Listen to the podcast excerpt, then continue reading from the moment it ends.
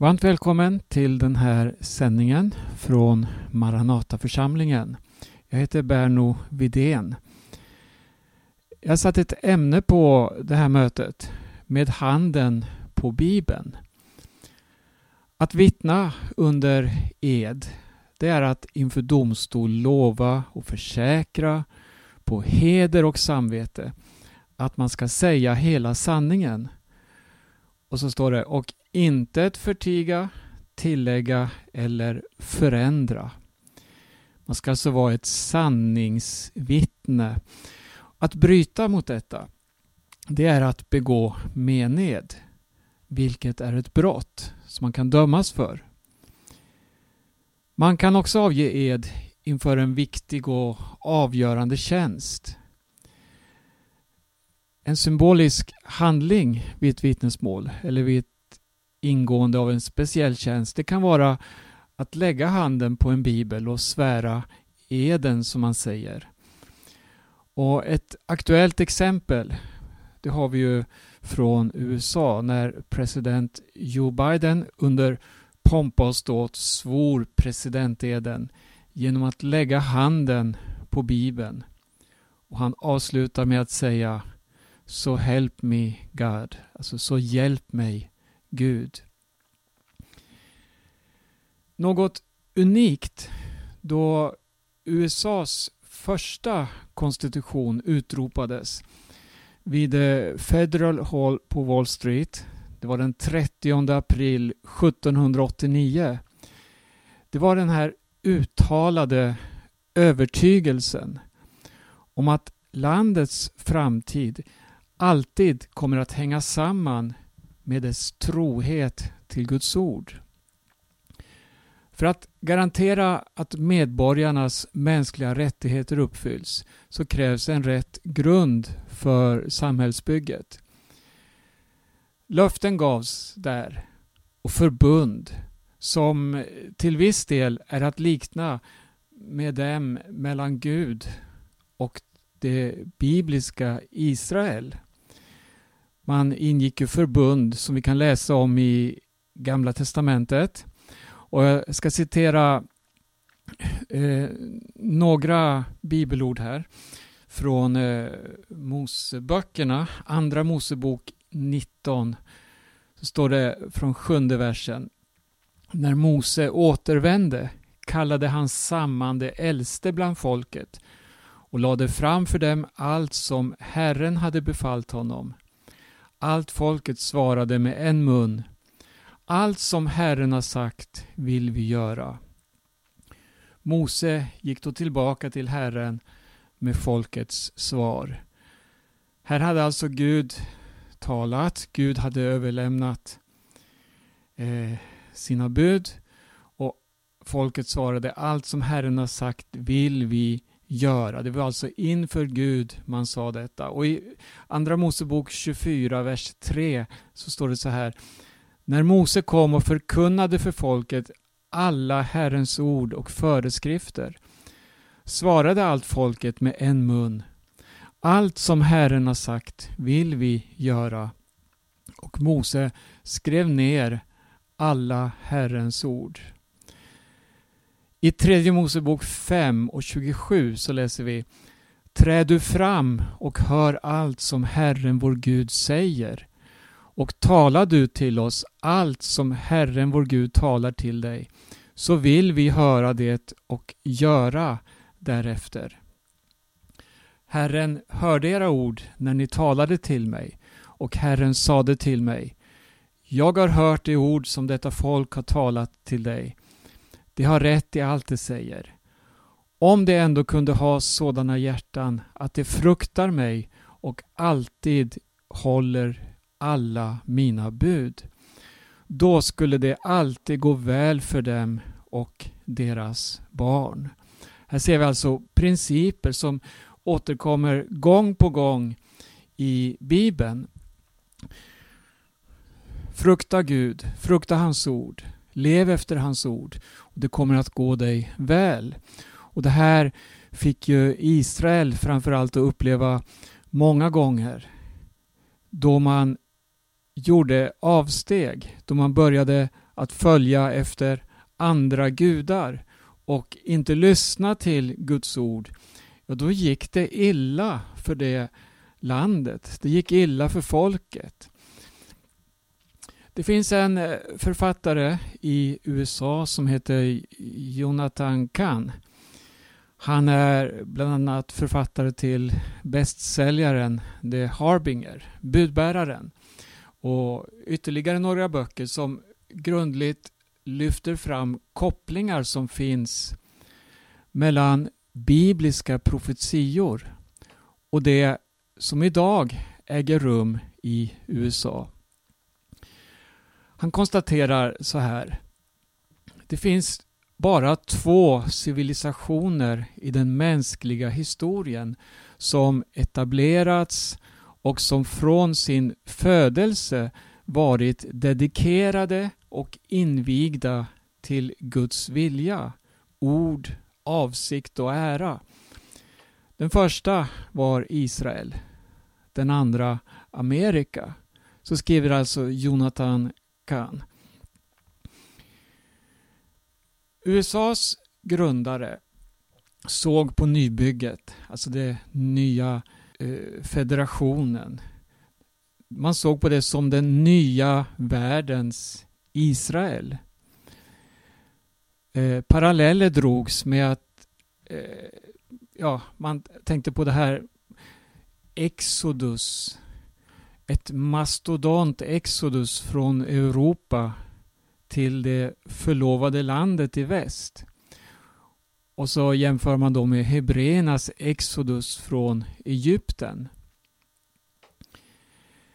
Eh, det har satt sina spår. Delar av Moses lag från Bibelns första böcker inkorporerades i USAs lagstiftning. Det finns mycket av det som lever kvar idag. Amerikas Thanksgiving, en stor högtidsdag som alltjämt firas. Den utformades också den inspirerad av bibliska högtider. Nyfödda gavs ofta judiskt klingande namn och städer och berg namngavs efter Jeriko, Jordan, Salem, Hermon, Moria och andra israeliska platser. Flera av landets universitet bär emblem med hebreiska namnet för Gud, den allsmäktige. Så medvetet eller inte så har USAs koppling till det gamla Israel på flera sätt satt sin prägel över nationens identitet. Det finns en lag om sådd och skörd och den gäller inom många olika områden. Inte minst på den världspolitiska scenen.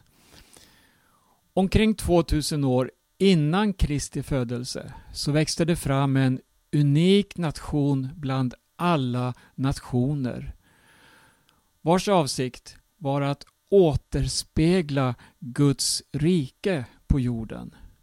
Initiativet till det här, det var Guds.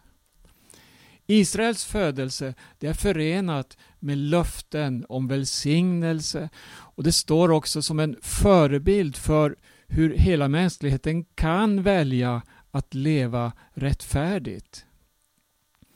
Och Guds löften, de var Sök Gud och lev rättfärdigt och landet kommer att bli framgångsrikt. Allt eftersom tiden gick så började nationen Israel då att avvika från Gud.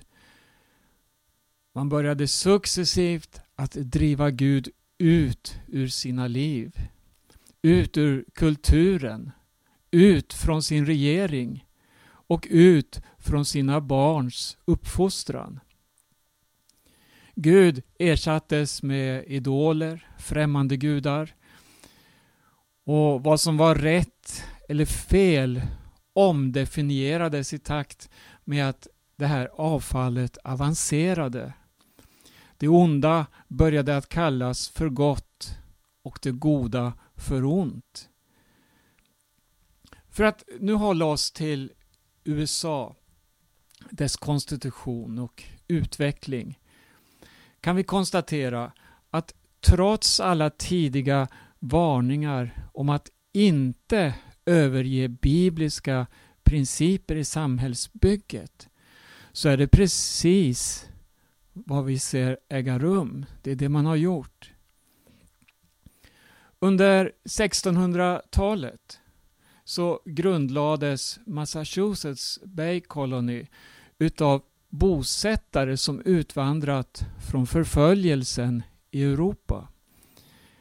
De var varmt troende och försökte i sin iver att med yttre regelverk och tvång kristna den nya världen. Så förföljelsen som fanns mot fritänkare den överfördes från England till Amerika genom ett strikt övervakningssystem där medborgarnas liv styrdes in i minsta detalj. Och efter detta då så kom det nya frihetskämpar. Och det här ledde sedermera till att federationen USA proklamerades vid Wall Street. Men man höll fast vid att grunden och förutsättningen för landets framtid den hängde samman med att dess ledning fruktade Gud i sin tjänst. Eh, det finns en inskription på en bön som är bevarad då i Sankt Pauls kapell på södra Manhattan. Eh, det här kapellet ligger alldeles intill Ground Zero. Så där tornen rasade. George Washington, han var ju en trogen gudstjänstbesökare och han deltog där i det nya USAs första nationella bönemöte. Direkt efter att konstitutionen utropats så tågade hela staben av pionjärer gemensamt kvarteren upp till kapellet. Kyrkklockorna ringde under en halvtimmes tid och fältet utanför kapellet fylldes av tillbedjande människor.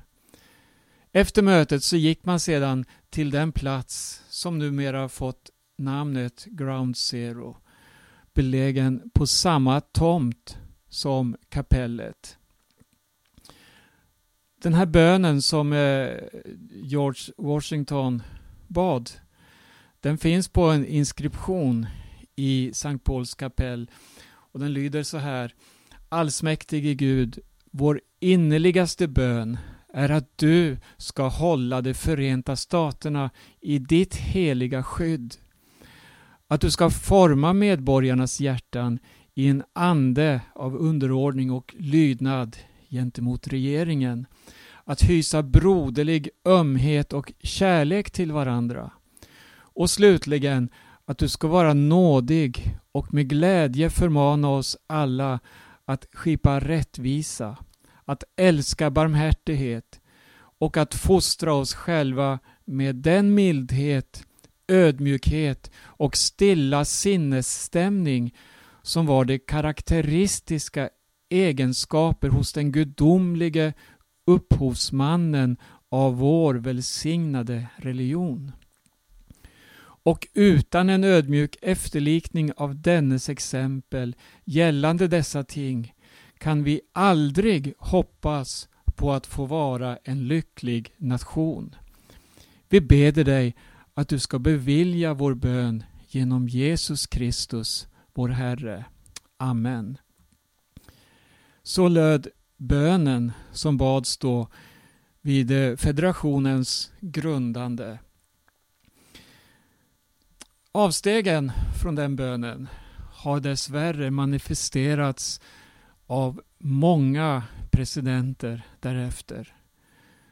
Under senare decennier, parallellt med att liberalismen glorifierats och tillåtits genomsyra mycket av politiken, så har det direkta upproret mot Guds bud och Bibelns värderingar medvetet och målinriktat genomförts. Utvecklingen har gått så långt att kristna medborgare öppet förföljs då de vill leva efter sin övertygelse. Det rapporteras exempelvis om hur olika näringsidkare förs inför rätta då de vill följa sina samveten. Det kan handla om en bagare exempelvis som eh, vägrar att göra ordning bakverk för att fira någon som har eh, opererats från man till att bli kvinna. Det kan handla om eh, andra bagare som vägrar eh, alltså iordningställa en fest, ett enkönat eh, parförhållande. Och det finns också exempel på ämbetsmän som har vägrat viga enkönade relationer som står inför rätta, som förlorar sina rättigheter att viga. Aborten är en annan stor fråga och det finns exempel på personer som har ställts inför rätta och som har dömts att betala dryga böter då man har avslöjat saker i eh, abortindustrin, alltså hur abortfoster eh, säljs på svarta marknaden. Och allt det här vittnar om hur eh, hela nationen på ett sätt är på väg i motsatt riktning till vad som var uttalat från början. Och det är inget konstigt. Det är ingenting som eh, man inte kan se ska eller skulle ha kommit. För att Bibeln den eh, talar också om hur framtiden kommer att se ut på den här jorden. Jag nämnde här USA och jag nämnde Israel. Men det finns många nationer. Vi har vårt eget land Sverige som också har en historik. En något annorlunda sådan då. Men det finns tider då Sverige var hemsökt av väckelse. En genomgående folkväckelse som ledde till att hela nationen på ett sätt reste sig upp från en misär. En misär där, där, där det fanns människor som levde utan hopp, utan Gud, men man var beroende utav spriten. Man, det fanns ingenting att leva för helt enkelt i, i denna fattigdom som rådde i Sverige. Men, men så, så inträffade det något. Det kom en väckelse från Gud och människor började resa sig upp och samhällena började byggas upp och välsignelsen från Gud började att visa sig. Men vi ser hur Sverige har vänt Gud ryggen och medvetet motarbetar allt som bär det kristna namnet. Samhällsklimatet i Sverige är inte vad det har varit. Det är kallt på många sätt. Det finns en cynism gentemot själva livet. Vissa frågor kan man knappast beröra utan att anses vara en fanatiker eller någon eh, som arbetar mot kvinnors rättigheter. Abortfrågan är en sådan. Nämner du barnets rätt till liv, ja då är du en kvinnomotståndare. Och Det finns många sådana här frågor som, som på ett så tydligt sätt visar hur situationen i världen ser ut. Och Bibeln säger att kärleken hos de flesta ska kallna ju närmare vi kommer det som Bibeln då beskriver som den sista tiden eller tidens slut. Eh, vi återvänder ytterligare helt kort till eh, Joe Biden och USA. Som bekant, han eh, la handen på Bibeln och svor presidenteden. Vi ska titta på hans första dagar som president. I handling så ser vi att han faktiskt går emot Guds ord. Han eh, skriver under ett dekret för att motarbeta hinder vid abort.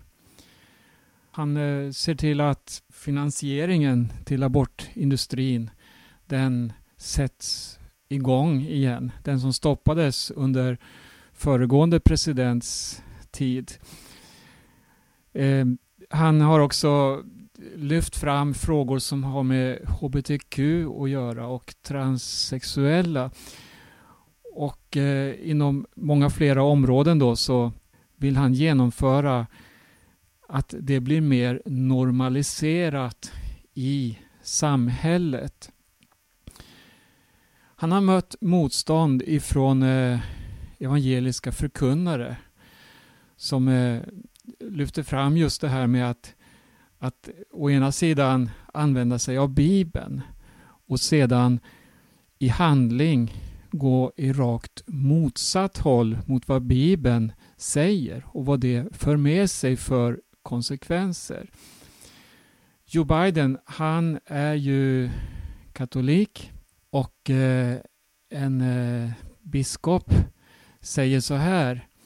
Sluta att finansiera aborter eller sluta att påstå att du är katolik. Det säger en eh, biskop till eh, Biden. Jag, jag ska inte nämna något mer om honom nu och, och det, det som händer. För det, det, är mer komplext än så här.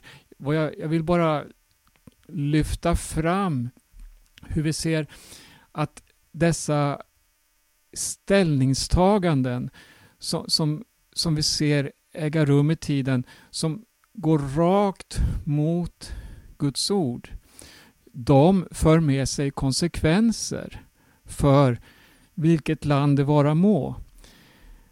Det är ju så att det Gud har sagt, Guds löften, den som håller hans ord, den som vandrar på hans väg, han ska bevaras, han ska, ja, honom ska det gå väl. Det gäller också för nationer, det gäller för USA, det gäller för Sverige, det gäller för Israel. I, ja, för att nämna Israel så har vi ju också då en situation. Den politiska nationen Israel som vi läser om idag och som vi ser, den har ju också på många sätt övergett Guds väg. Jag ska citera något som eh, Yngve Stenfeldt skriver i senaste numret av Midnattsropet, alltså nummer 1, 2021 i en artikel som heter Nådens och bönens ande. Han skriver så här. För Israel innebär detta att ingen ande ännu är i dem. De utför aborter.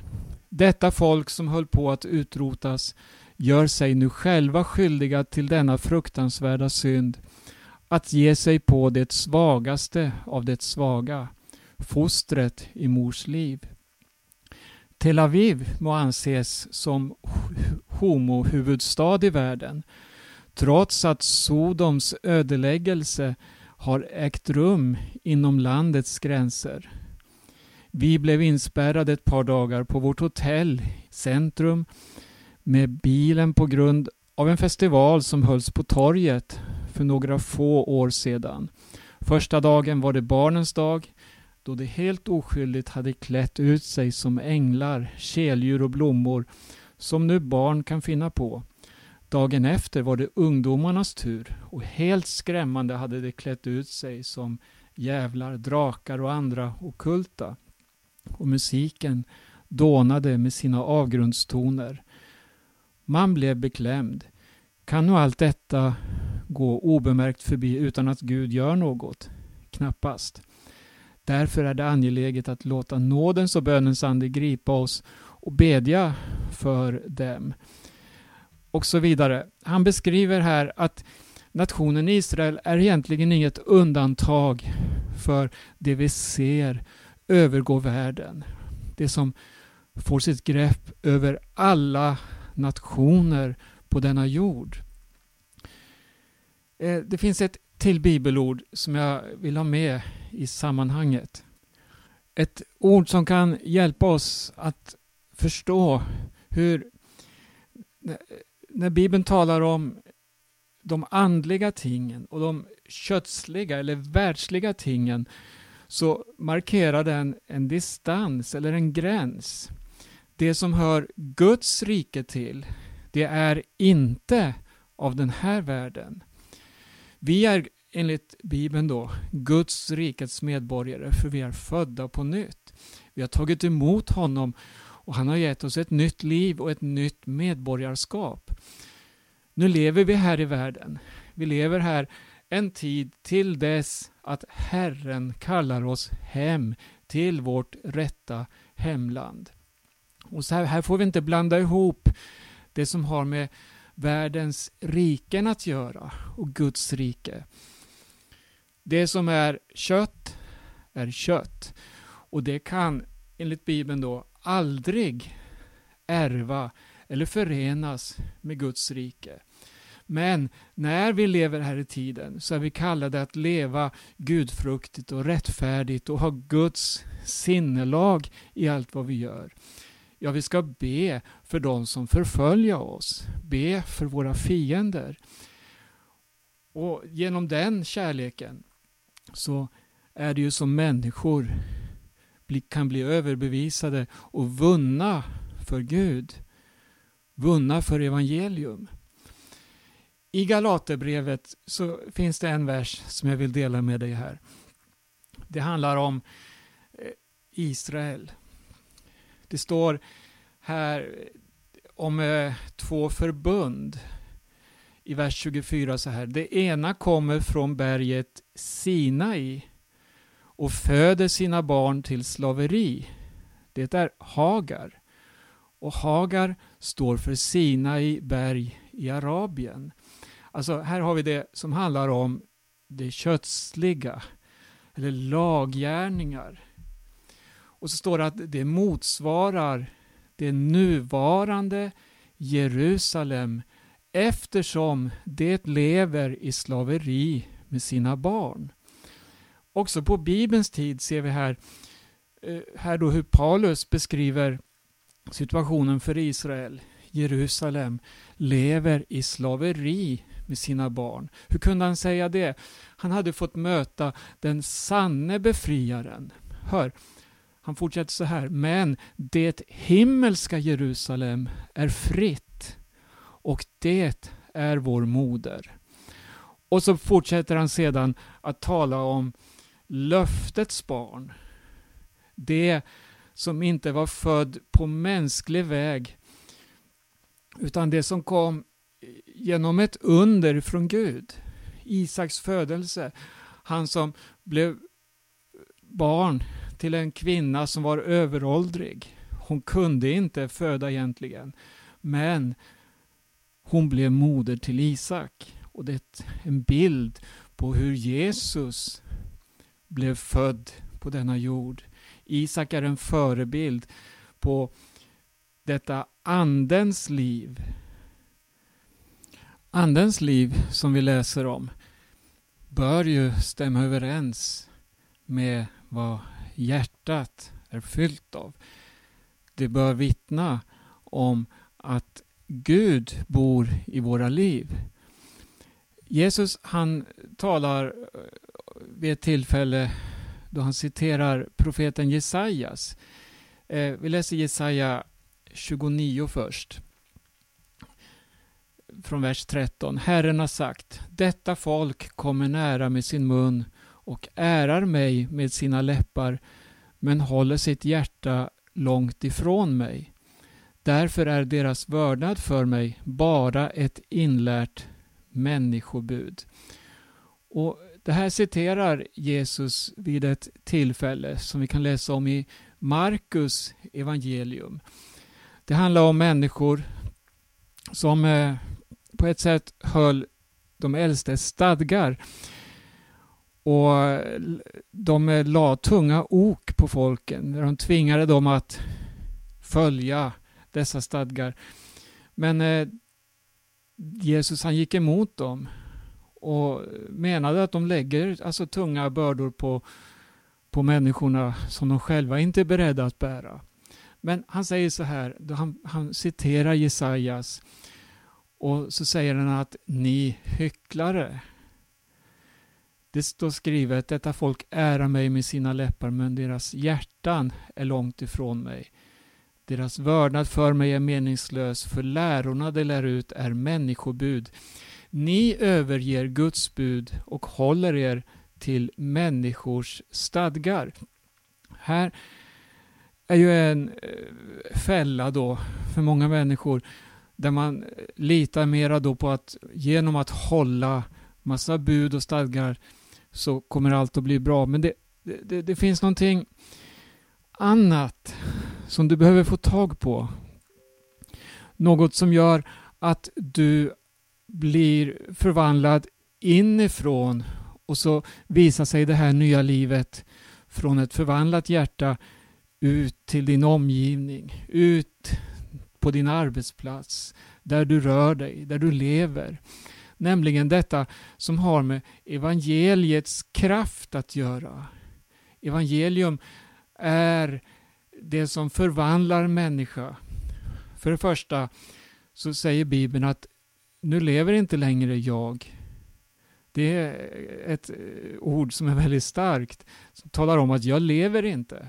Men jag står här. Men det står så här, nu lever inte längre jag, men Kristus lever i mig.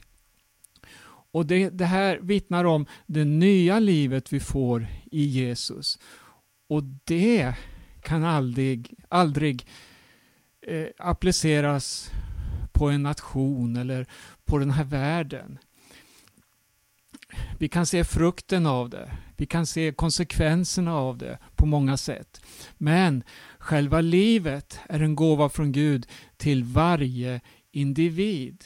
Och tillsammans får vi vara med och förkroppsliga himmelrikets principer, himmelrikets rättfärdighet, den väg som Bibeln visar oss. Och Det här kommer också till uttryck när vi läser Nya Testamentet och hur den urkristna församlingen levde tillsammans. Hur man inte var fast i det här materialistiska, i egoismen och så vidare. Utan man var så fylld av ande att man såg den lidande. Man delade med sig åt den som ingenting hade och så vidare. Det här är helt underbara principer som vi, vi så gärna vill eh, att de ska finnas. Vi vill ju inte se det lidande vi ser på vår jord idag, men ändå så finns det där. All orättfärdighet, all svält, alla fattiga länder, alla som dör av hunger och sjukdom och så vidare. De som lever som flyktingar. Världen är hemsk på det sättet. Men så finns det Guds rikes principer. Och de handlar om ett utjämnande. Det handlar om rätten till liv. Det handlar om att inte ta livet av de ofödda. Det handlar om att eh, se på det som Gud har gett. Där han har skapat oss till man och kvinna. Han har gett oss familjen som ett skydd äktenskapet och så vidare. Låt barnen komma till mig. Principer som vi vill att våra barn ska växa upp i. Att de ska få lära känna denne Jesus som är barnens bästa vän.